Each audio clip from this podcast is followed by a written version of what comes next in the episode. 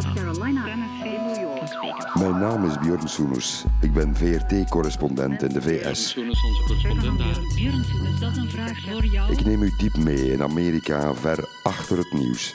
In het hart en de geest van dat immense land, de Verenigde Staten. What can you do? We can vote. We can protest. De laatste fase van de actiedag gaat er heftig aan toe. We are here to protect American citizens. Bruce Springsteen was born in the USA. Ik woon er. Ik werk er. Dit is Björn in the USA. Welkom bij aflevering 44 van mijn tweemaandelijkse podcast.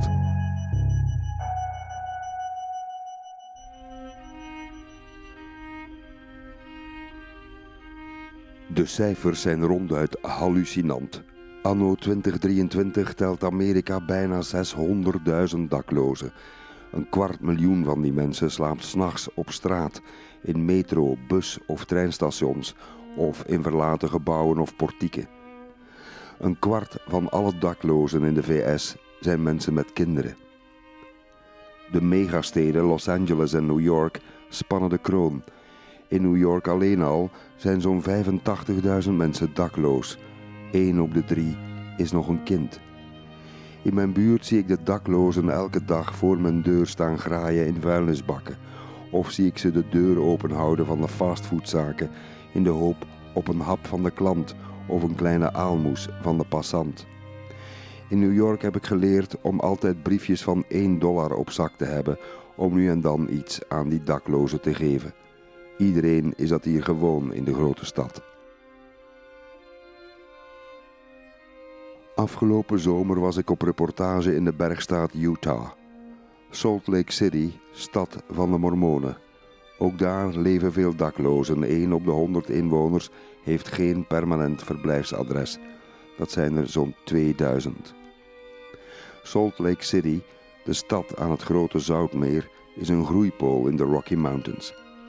De daklozen leven verspreid over de binnenstad. Je hebt de verdoken daklozen die bij vrienden op de bank mogen slapen. Je hebt de zichtbare daklozen. Sommige kampementen in Salt Lake City vind je langs de rivier. Anderen hangen rond in het park of in de buurt van een storage unit. Een grote groep daklozen bevindt zich in dezelfde paar straten van Salt Lake City. Het is akelig om er langs te rijden. Het lijkt een beetje op een dystopische stad in de stad. Het is er goor, vies en vuil en het voelt als eng en gevaarlijk. Mensen komen hier liever niet. Mensen zien het als een afvalstraat.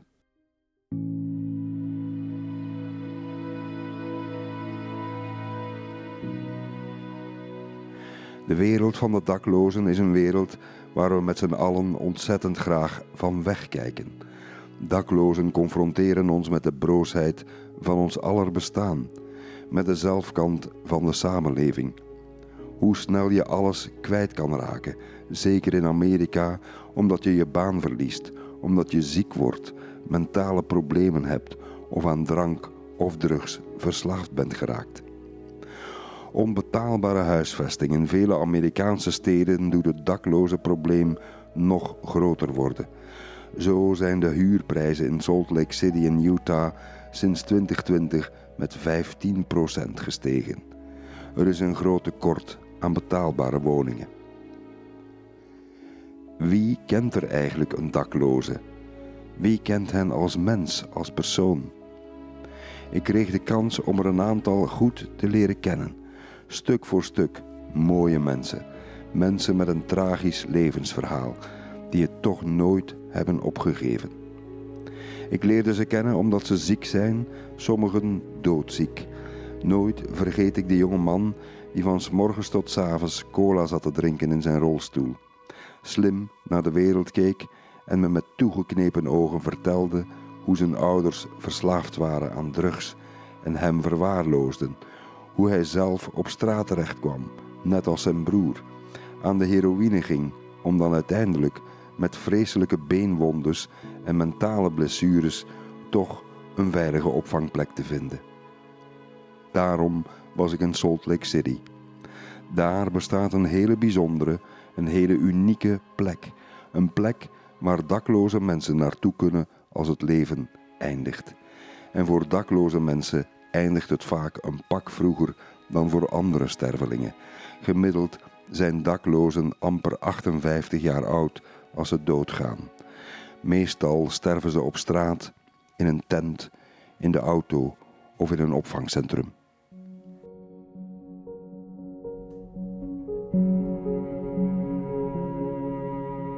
Waar ik ben, dat is niet zomaar een opvangcentrum. Daklozen komen ook naar hier als ze te gezond zijn om in het ziekenhuis te liggen, maar te ziek om op straat te leven. Die plek heet daarom de In-Between. In met dubbele N op het eind, als een soort herberg, een soort motel, hotel, maar dan met zorg voor dakloze mensen. Er zijn zo'n 50 bedden. De in-between aan het Zoutmeer in Utah zou je met gemak een soort hemelhuis kunnen noemen. Er is ook een vleugel waar bewoners de laatste weken of maanden van hun leven doorbrengen voor ze sterven. Eindelijk een thuis, net voor het einde van het leven. Wat volgt is de documentaire neerslag van mijn verblijf in de in-between.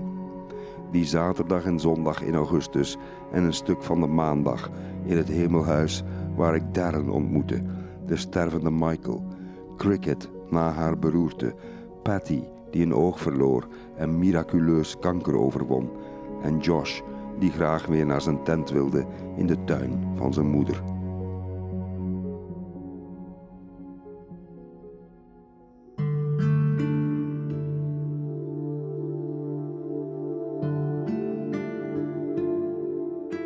Vrouw die het gastenhuis met zijn bewoners bestiert, is de 43-jarige Gillian Olmsted. Ze lijkt op een meisje van 15. Gillian is amper een meter 50 groot en ontzettend geliefd in het hemelhuis. How are you? I'm good. You're good? Are Oh, I'm waiting for my laundry. you doing your laundry? Yeah. Does it dry faster if you watch it? Yeah. Okay. Ze begon hier als vrijwilligster en is nu de hartelijke en immer bekommerde directrice. Ze is het type mens waardoor je op slag weer hard gelooft in de mensheid. Vele weken en maanden na ons verblijf bellen we elkaar geregeld om te praten over hoe het nu gaat in het hemelhuis. Nobelprijzen zouden ook naar zulke mensen moeten gaan. Welcome. Er is hier in Salt Lake City net een man binnengebracht uit het ziekenhuis. Hij wordt op een brancard binnengevoerd. Het is een dramatisch verhaal. Een dakloze man die moest worden opgevangen door zijn broer. Daar was een gesprek over met hen twee. Maar toen die broer zijn zorgplicht vernam, schoot hij zichzelf dood. The intake that we're having brought in today is one of the worst that I've heard. His brother was just told he needed to be his full time caretaker, and he ended up shooting himself in the face. And it's probably going to be a really hard transition for that individual to settle in here um, and see this place as his home. And, and we're going to have to work really hard to support him through that trauma. Het zal iets zijn dat me altijd bij zal blijven van mijn dagen als reportagemaker in het hemelhuis, de in-between. De enorme veerkracht van mensen die aan de grond hebben gezeten, de absolute bodem van hun leven hebben bereikt en dan toch weer recht kruipen. Aan de ingang zit een man met zijn koffer. Hij ziet er zongebruind uit, zijn mond hangt wat scheef, hij lijkt tandeloos. Maar hij draagt een mooi paars hemd met manchetknopen en draagt ook juwelen. I'm Darren. Hi, I'm Jamie. It's nice to meet you. Hi, it's nice to meet you. Are you our new admit today? Yes, I am. Welcome home. Hij doet ons zijn verhaal. You just arrived, sir. Where, Just where you come in. from? Here in Salt Lake for right now, um, I came down with cancer and Het gutst er in één keer uit. Hij is HIV besmet en hij heeft uitgezaaide kanker. Ik maak kennis met Darren. you're from Belgium. Belgium. Zes jaar geleden was Darren nog de vicepresident en creatief directeur van een miljoenenbedrijf in de designbusiness. En toen werd hij ziek. Hij was een jaar of 56 toen. Kanker. They said, We're really sorry to tell you that um, you're stage 3 4 cancer. What cancer is it that you have? Carcinoma, for instance, the cancer ate my whole jaw, my face, behind my face, behind my nose. Uh, my brain had two uh, tumors in it, my lungs. So I have been through months of operations and everything else. When uh, I got out and I went to my apartment, it was boarded up, and everything that I had was now gone. Darren verloor alles door ziek te worden. Hij werd uit zijn huis gezet omdat hij lange tijd op intensive care lag en er niemand omkeek naar zijn huurwoning. Yeah, I lost my job, I lost my house, uh, my three cars, uh, my social life, uh, food, anything, all luxuries. Van een luxueus appartement ooit ging het via een huurflat voor lage inkomens naar het park. Dat werd het thuis van Darren.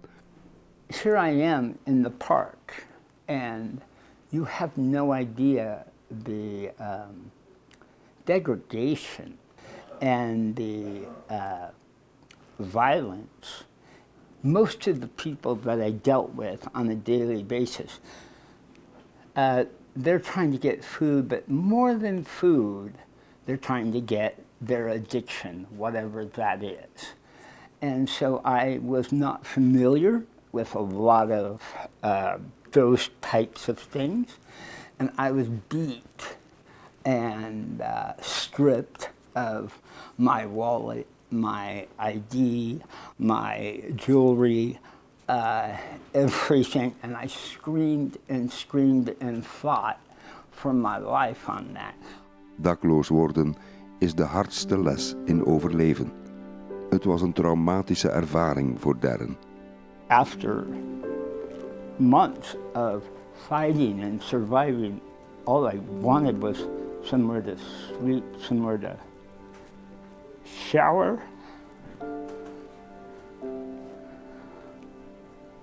I was uh, raped, beat, robbed.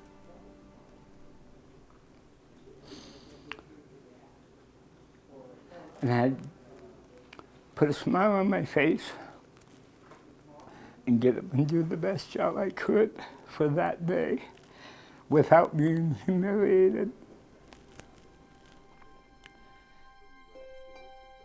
Darren zegt zelf: een mens gaat van rags to riches in Amerika. Dat is de normale mythe en de droom. Van bedelman tot edelman. Bij Darren was het omgekeerd. De rijke man werd zelf totaal haveloos en doodziek. I used to be so judgmental. I remember being in a $150,000 car driving down the street looking at this park and saying, why don't they get those people out of there? It's a beautiful park. It's so disgusting. And why don't they clean themselves up? I would never want to be their neighbor. And that would be the park that I would in. A sobering reality. Darren kan de stress en de angst even laten rusten nu. In de in-between vindt hij rust en vrienden en een voorlopige thuis. Hij is hier veilig, zegt Gillian, de vrouw die het hemelhuis bestuurt. Zij ziet het harde Amerikaanse zorgsysteem als een van de grootste boosdoeners. We, we talk about it all the time that a lot of us are just one medical diagnosis away from being homeless. You get diagnosed with cancer, and you might not be able to make your, your payments on your health care for a couple of years. If you can't pay for it, then what happens? You know, you take out a second mortgage on your home, and then you're too sick to work, so you can't pay your mortgage anymore and you lose your home. It's really sad that there's not more of a safety net for people who are sick.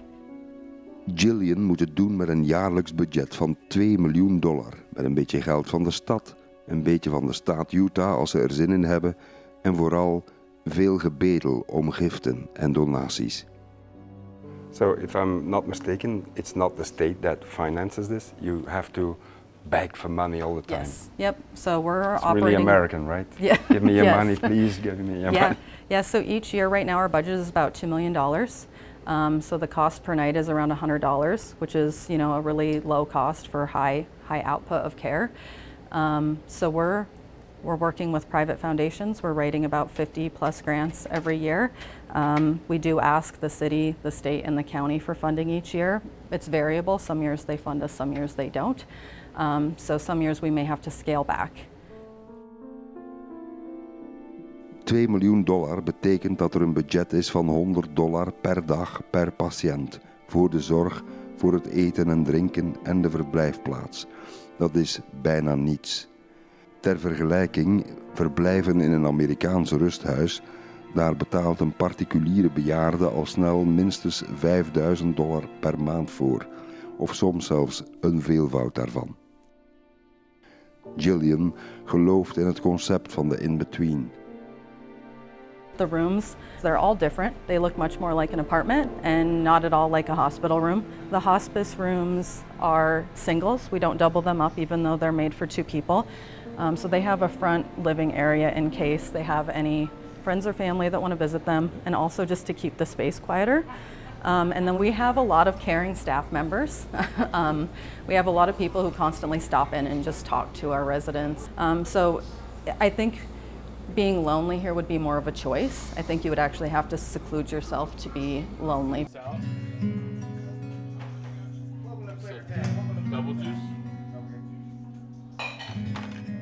In de keuken hangt er een warm, menselijk, gezellige sfeer. Al wat hier op tafel komt of wordt klaargemaakt, komt van de voedselbank. Het menu wordt gemaakt op basis van wat beschikbaar is.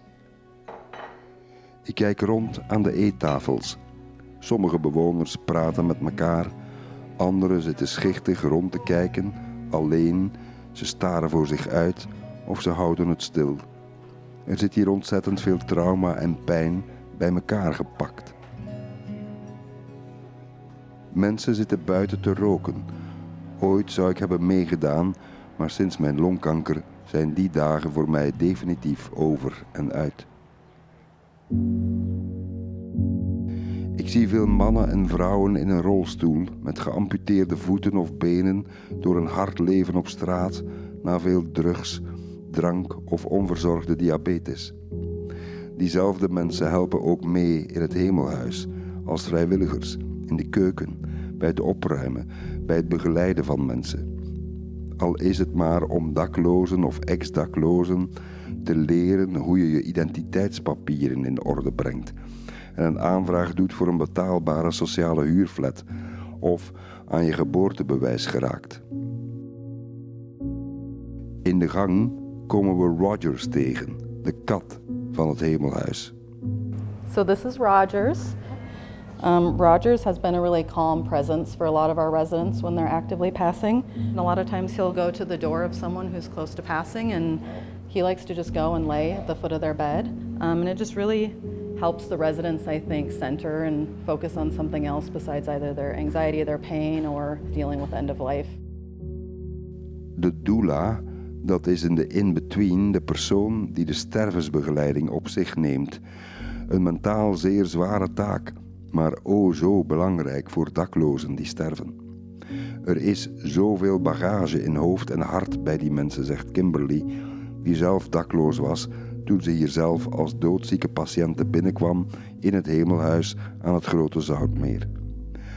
Haar hart begaf het bijna en ze liep enige tijd rond met een mechanische externe defibrillator. Het gaat nu een stuk beter met haar en ze vond hier een nieuwe roeping als vrijwillige stervensbegeleidster. When I first came into the role of end of life doula, I struggled because I didn't realize that I needed to take time for myself to process everything. But I'm much better at handling all the emotional stuff that comes with it. Vele daklozen voelen zich vaak maar halve mensen. Ik vraag het aan Kimberly. Do you think that people are sometimes looking at, at homeless people as if they are like trash. on the Oh, yeah, especially here in Salt Lake. They just turn their back to them. When you talk to them, do they feel that from people? Yeah, and that's why, like, um, it was from a resident here that said if you ever see a homeless person, look them in the eyes, because then it reminds them they're still human. De bewoners van de in-between van het hemelhuis hoeven dus niet op straat te sterven.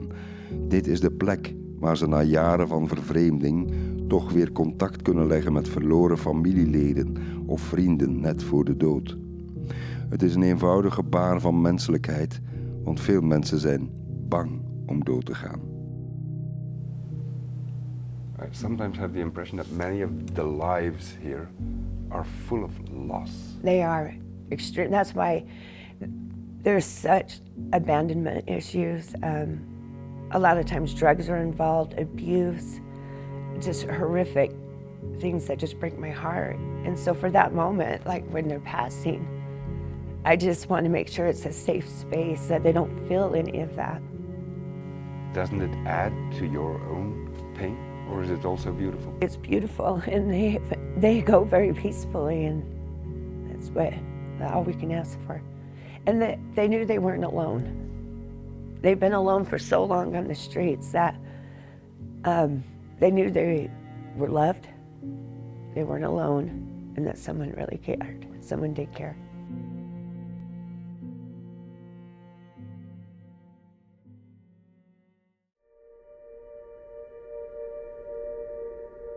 Michael is iemand die is binnengebracht op de einde leven afdeling.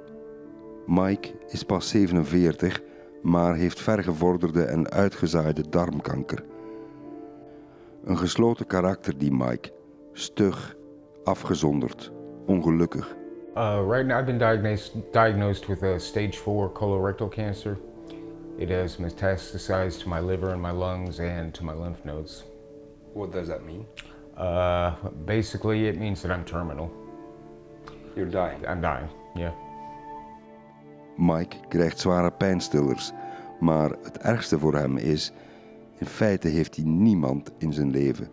Hij is vervreemd geraakt van zijn enige kind, een zoon die zich nu zijn dochter noemt. Mike had het daar moeilijk mee.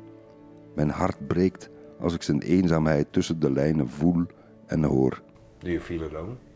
Yeah, quite a bit actually. Could you describe how it is? Uh, well, you know, there's a lot of anger there. There's some anger there, resentment. But I mean, I mean, I understand. You know, not everybody is emotionally equipped to deal with this kind of thing. You know, and it, it's a hard thing to watch somebody die. I imagine, especially somebody close to you, somebody you care about, somebody you love. Certainly, I had to watch my mother die. I was actually the one who had to authorize them to turn her up, turn off the machines keeping her alive. So, I mean, I was able to do that. Not everybody is. So, you know, I try to have some understanding with them as far as that kind of thing. You know, nobody nobody wants to watch somebody die. Bruce Springsteen zong het al menigmaal in zijn machtige lied Hungry Heart. Iedereen heeft een hart dat honger heeft. Elk van ons heeft een plek nodig om te rusten. Iedereen wil een thuis.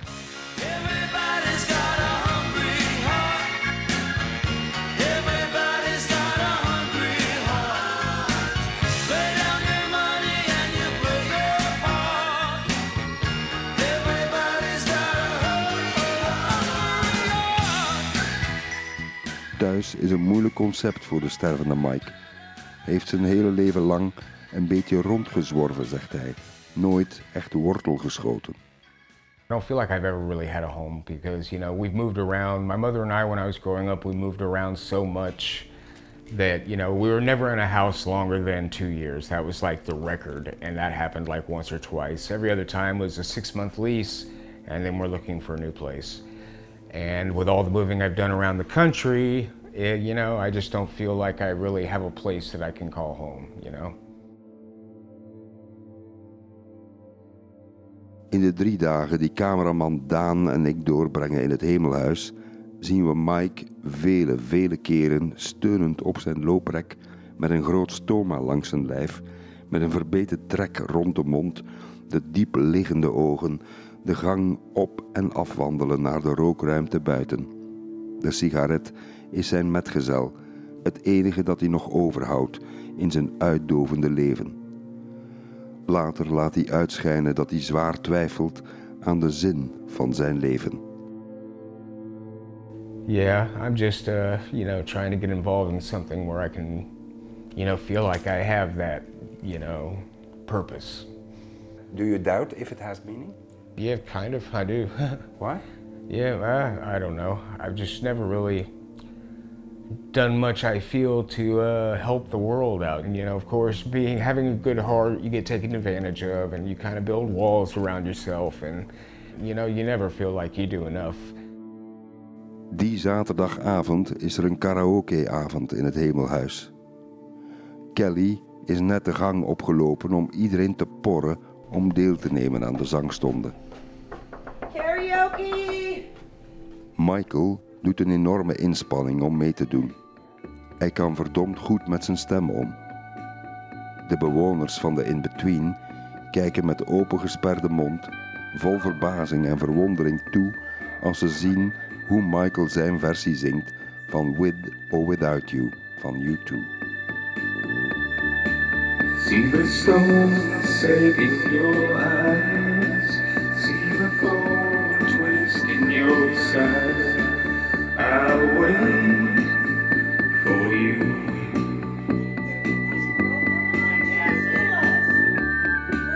Sleight of hand and twist of fate. Flare,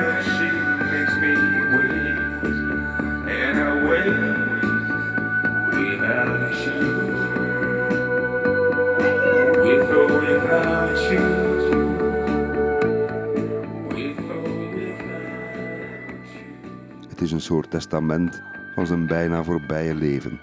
Een ultiem afscheid van zichzelf.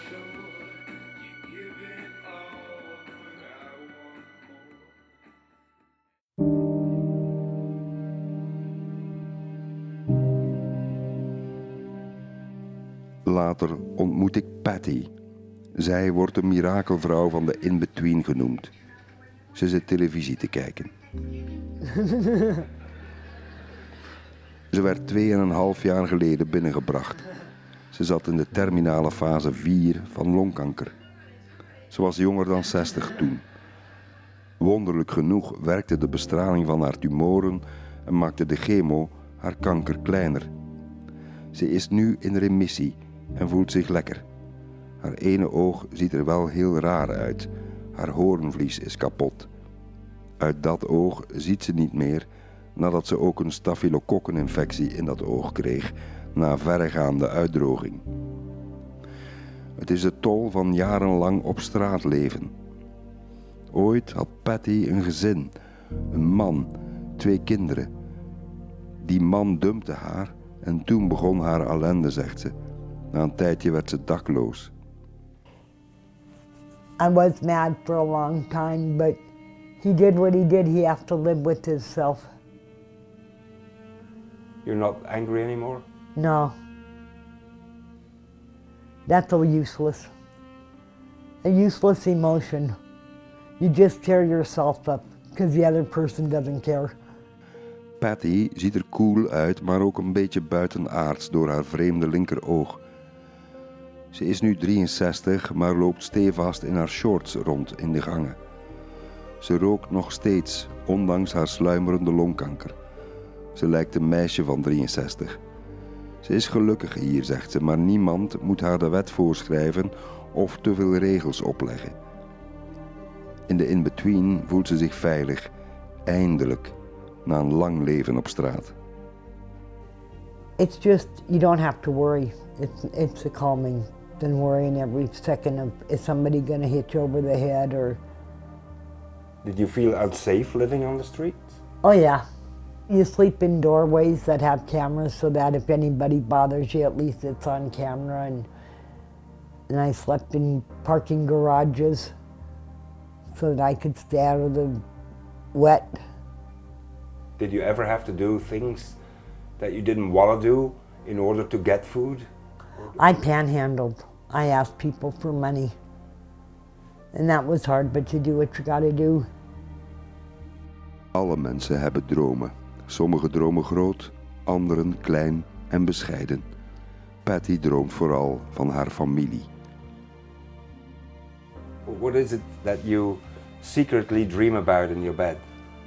Oh, going to Montana and seeing my kids and going to Vegas and seeing my sister. Why don't you? Oh, money. yeah, money gets in the way. Maanden nadat ik haar mocht interviewen op haar kleine kamertje in Salt Lake City, toen ze naar een sitcom op de tv aan het kijken was, kwam er voor Patty goed nieuws. Ze kreeg een kleine flat voor haarzelf toegewezen in Salt Lake City via een sociaal huisvestingsprogramma. Ik hoorde later dat ze nog altijd haar vrienden mist uit het hemelhuis. Ze speelde zo graag bingo met ze in de refter. Toen ik er was, keken de bewoners daar enorm naar uit. G47. Het spel maakte gezelligheid los, een sfeer van thuis rond een warme haard. 074. What? Ik zie een heel blije vrouw zitten bingo spelen. Ze is een jaar of vijftig, schat ik. Ze heet Cricket. Ze woont hier nog maar pas in de in-between. Begin juli werd ze getroffen door een beroerte. Je ziet het als ze op de gang loopt. Haar rechterbeen lijkt wat te slepen. Ze praat ook moeizamer dan voor haar beroerte. Ze was dakloos toen ze haar cardiovasculair accident kreeg. Na drie weken in het ziekenhuis kreeg ze een kamer toegewezen hier in het hemelhuis. Ze is hier ontzettend graag. I, I, I, I don't want to leave. I don't want to leave. Um, I, I'm finding self worth here in, in learning how to take care of myself because my biggest issue is my mental health. On July 3rd, I couldn't walk or talk or pull my pants up because my whole right side went paralyzed. But as you can see now, not even two months later, I, I, I, I've got al- almost all of that back. Cricket krijgt veel paniekaanvallen. Ze lijdt aan extreem hoge bloeddruk. Toen ze hier kwam, voelde ze vooral veel haat voor de wereld waarin ze leefde, zegt ze. Ze verloor haar hond, haar flat en haar mentale gezondheidszorg. Bijna twintig jaar leefde Cricket min of meer op straat. Verleden jaar raakte ze wanhopig. Ze overwoog zelfdoding. Ze leefde in een kleine opslagplaats, een storage unit. Ze kocht heroïne om er een einde aan te maken. I, I pushed all my friends away. I got I was never really suicidal before, but last year I was extremely suicidal. I had the way to do it and everything, and I just I didn't. And I thank God, you know. Well, I thank somebody. I mean, there's something bigger than me. I'm not. I always say I don't care what you call it. I can call it a mustard bottle, but there's something bigger out there than me that really changes our world, you know. And I and I God for. Cricket heeft een hard leven gehad. Ze was ook lang verslaafd aan met, metamfetamines, een drug die je hersens en lijf helemaal kan opeten en verwoesten. Ze werd ooit door een van haar mannen verrot geslagen en liep hersenschade op. Daarna moesten de mannen van haar afblijven of ze sloeg ze zelf verrot, zegt ze. Zo getraumatiseerd was ze. Ze worstelt om relaties te kunnen onderhouden. Zelf heeft ze zes kinderen op de wereld gezet, die ze nog amper ziet. Ze kon niet voor hen zorgen.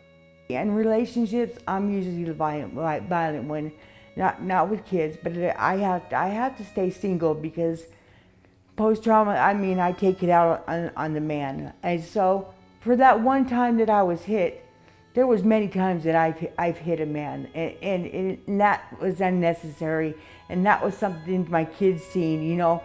So it, it was it's very hard. I, I I struggle with that daily. Haar kinderen werden van haar afgepakt en in de pleegzorg geplaatst. Haar jongste tweeling werd zelfs geadopteerd door een mormoons gezin.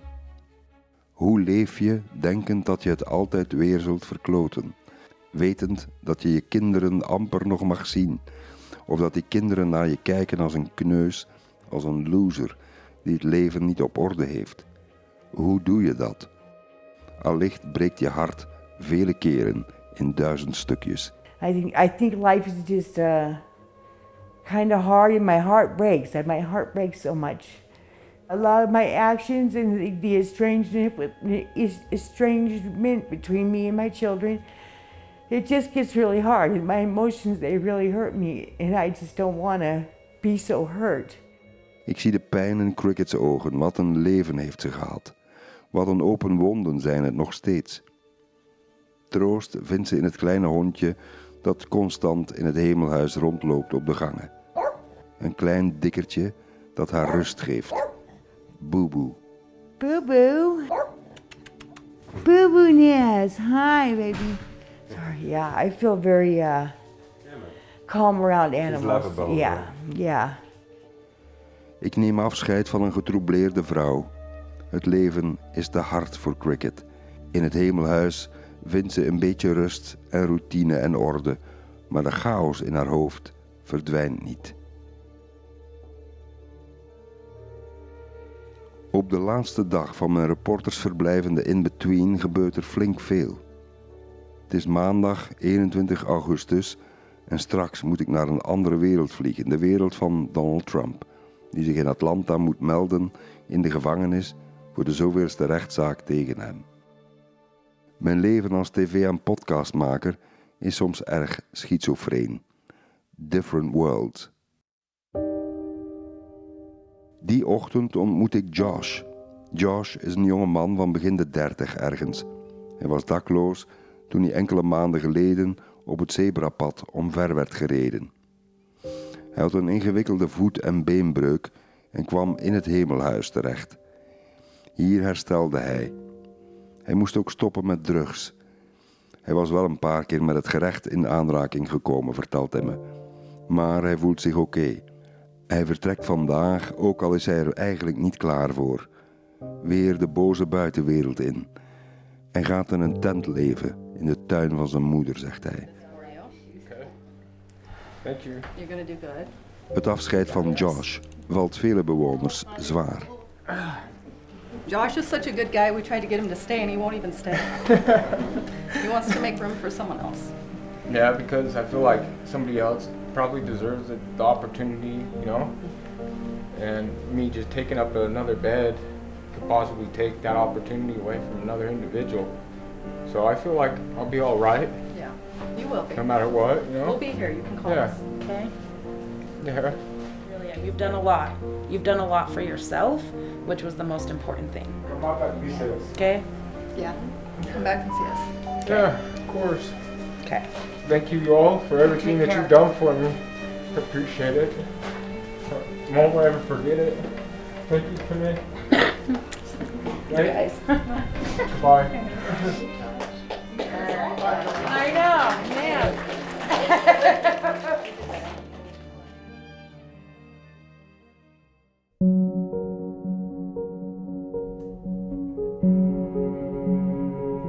het hemelhuis van Salt Lake City speelt de blauwe monarchvlinder een prominente rol. Als een van de bewoners aan de laatste dagen of weken van het leven bezig is, dan wordt die blauwe vlinder aan de deur gehangen. Het afscheid is dan nabij. Vandaag is de in-between in rouw voor Isaac, een jonge bewoner van nog geen 39 jaar oud. Hij stierf na een lastig leven op straat. Hij was doodziek toen hij naar het hemelhuis werd gebracht, maar verzoende zich op het einde met een aantal mensen in zijn omgeving toen het leven voor hem verdampte, hier in de in-between. During his time, this was his end of life. He'd been on the streets for a long time, in and out of jail. But this was his actual chance to see his family, to go fishing. He even got to go to a reunion up in Park City with everyone. So at this time, we'll take a moment of silence. Please join me in honoring dear Isaac Chavez. Ik zie hoe de bewoners zitten denken en mijmeren over hun eigen leven en sterfelijkheid, nu ze hier kijken naar de foto van de dode Isaac. De blauwe vlinder die aan de deur hing van Isaac wordt nu op een groot bord geprikt. Alle blauwe vlinders worden geschikt tot het getal 120 wordt gevormd. Van 119 naar 120. Put it up anywhere, and we'll start making that into a two. And then this one will come into a big zero. 120 mensen die voorheen lang of minder lang op straat leefden, zijn hier in het hemelhuis aan het Zoutmeer al komen sterven. And he can go right there. Thank you all. Sweet Isaac. 120 levens, 120 lege kamers, voor eventjes tot een nieuwe stervende komt. Iedereen gaat hier uiteindelijk altijd weg. En het leven dat intussen wel gewoon doorgaat, altijd zoals in de natuur. Een cyclus van leven en dood, onverbiddelijk. Ik heb de voorbije drie intense dagen veel menselijkheid gezien. Ik heb zoveel mensen gezien die deugen. Ik zie de broze letters van de namen van de overleden bewoners. Hun foto's hangen uit in de gang. Hun namen staan op een betonnen plaat gegraveerd buiten op de parkeerplaats. Namen die staan voor 120 levens. Geknakte levens, elk met hun verhaal, elk met hun kruis. Allemaal mensen. Blaas ze niet weg, de broze letters van hun naam.